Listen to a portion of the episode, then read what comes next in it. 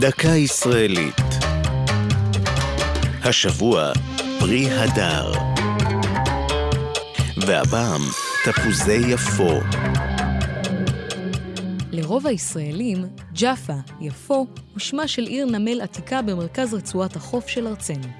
אך אם תשאלו את תושבי אירופה, רבים מהם ישיבו שמדובר בכלל בתפוז. את הזן המדובר גילה ופיתח בארץ באמצע המאה ה-19 הפרדסן הערבי אנטון איוב. היה זה סוג חדש של תפוח זהב, אליפטי ונטול זרעים, שהתקלף קל יותר מאחרים. עם השנים החל ייצוא תפוזים אלה לאירופה. הסחורה נשלחה מנמל יפו, ומכאן השם, ג'אפה, שהוטבע על תיבות התפוזים.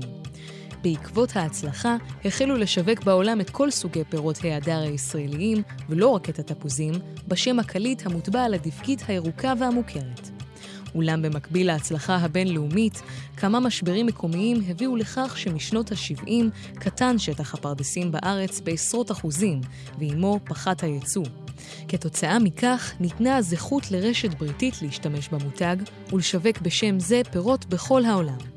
כך נמכרים תפוזי ג'אפה במשך כל ימות השנה, אבל רק בתקופה שבין נובמבר למאי מקורם בארץ. זו הייתה דקה ישראלית על פרי הדר ותפוזי יפו. כתבה שירה אל-עמי, ייעוץ מדעי הדוקטור ניר כרמי וטל עמית, מפיקה יעלי פוקס.